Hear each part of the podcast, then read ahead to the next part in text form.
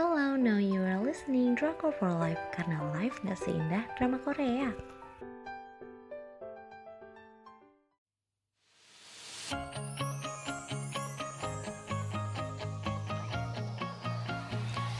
Review drama Korea The Tale of Noctu Gak kuat sama semua suara centil Jang Dong Yun.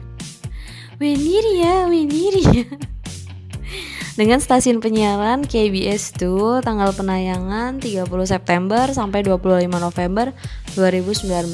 Jumlah episodenya ada 32 episode dengan masing-masing durasinya 30 menit. Ratingnya aku kasih 3 dari 5.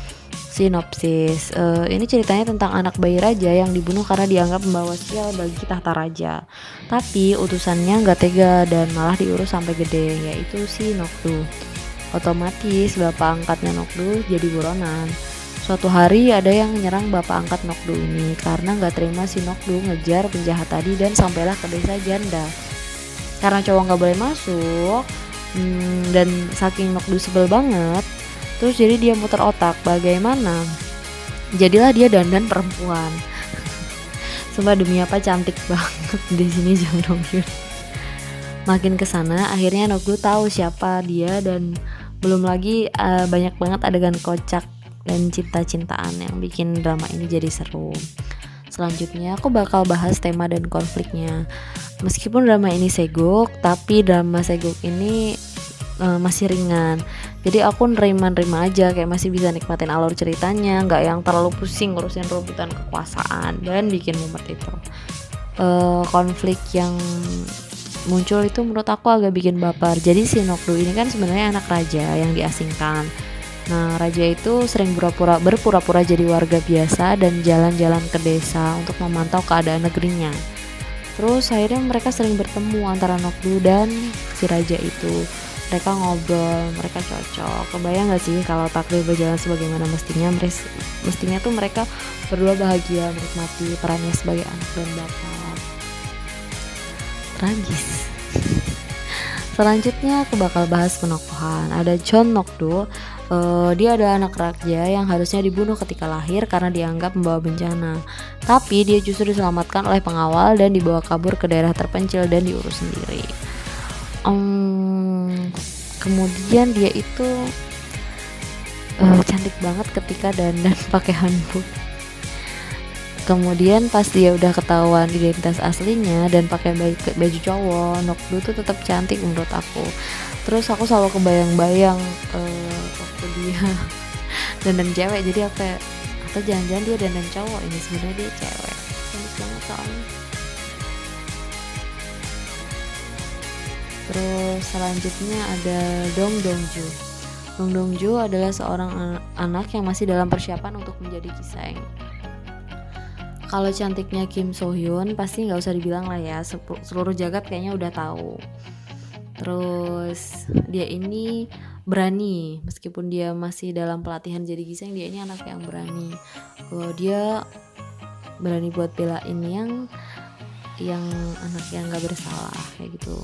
Kemudian ada Cha Yulmo dia adalah second lead yang membagongkan Yulmo itu ceritanya suka sama Dongju tapi jadi kocak karena Nokdu uh, versi girly ceritanya suka sama dia.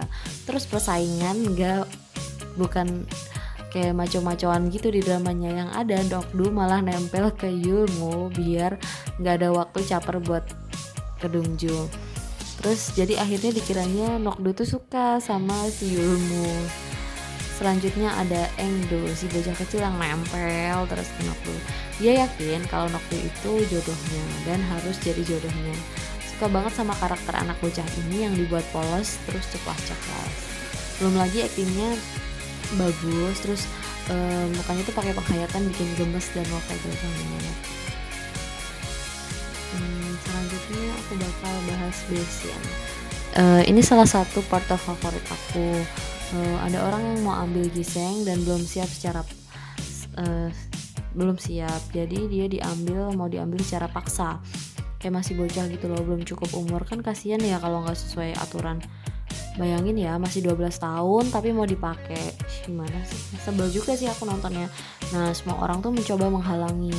Disuruh nunggu 3 atau 4 tahun lagi. Karena cin karena cinta mati dan tersulut emosi dia mau motong rambut anak calon Giseng itu hmm, diceritakan bahwa rambut sebagai seorang Giseng uh, emang itu tuh kehormatannya. Kalau dipotong tuh kayak jadi nggak ada harga dirinya gitu.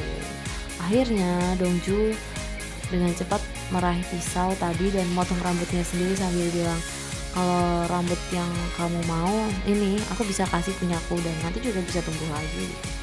Kayak dia mengorbankan harga diri nggak apa-apa lah ini cuma rambut gitu selanjutnya aku bakal bahas desa janda oh iya desa janda ini aku nggak tahu ya dulu tuh beneran ada atau enggak cuma ceritanya di drama ini janda-janda tuh kayak orang kelas buangan karena dianggap membangkang sama suaminya. Jadi mereka secara merdeka kumpul dan membentuk desa. Kok banyak uh, sisanya itu para wanita yang ditinggal mati pas perang juga sama suaminya. Tapi mereka melakukan pemberdayaan diri meskipun yang ngurus kepala giseng, tapi tetap suasana desa ini jadi hangat dan penuh kekeluargaan. Ini bentuk dari apa ya? Feminis membuktikan bahwa wanita itu juga bisa bergerak gitu meskipun tanpa laki-laki ini adalah sebuah pengakuan yang keren sih ehm, karena drama ini penuh dengan kepura-puraannya Nokdu nanti pas akhir bakal ketahuan. Terus jadinya malah nambah ganteng. Karena ketahuan tuh jadi akhirnya memutuskan udah udah nggak usah pakai handbook lagi pakai baju cowok aja. Jujur ya saking cantiknya aku tuh kayak amnesia itu siapa? Gitu. Pas awal lihat ini kayak pernah nonton siapa? Gitu cantik banget. Terus beneran ternyata dia ada Hyun. Cantiknya nggak ketulungan. Apalagi pas nonton ini muncul kan uh, kayak video-video di YouTube uh, tentang dia ada talk show gitu ditanya gimana dramanya. Mukanya masih secantik itu entah mungkin dia akhirnya harus meniruskan pipi-pipinya gitu agar terlihat runcing agar terlihat cantik. Tapi itu adalah suatu totalitas yang keren banget karena setelahnya juga aku nonton Jang Dong Hyun main di drama tuh ototnya ke mana-mana. Ini gak ngerti kenapa bisa tipis banget tangannya Oke, sekian review drama The Tale of Nocturne. Terima kasih sudah dengar. Buat yang pengen dapat daily update, bisa follow di Instagram kita at underscores. Jangan lupa live-nya pakai Y.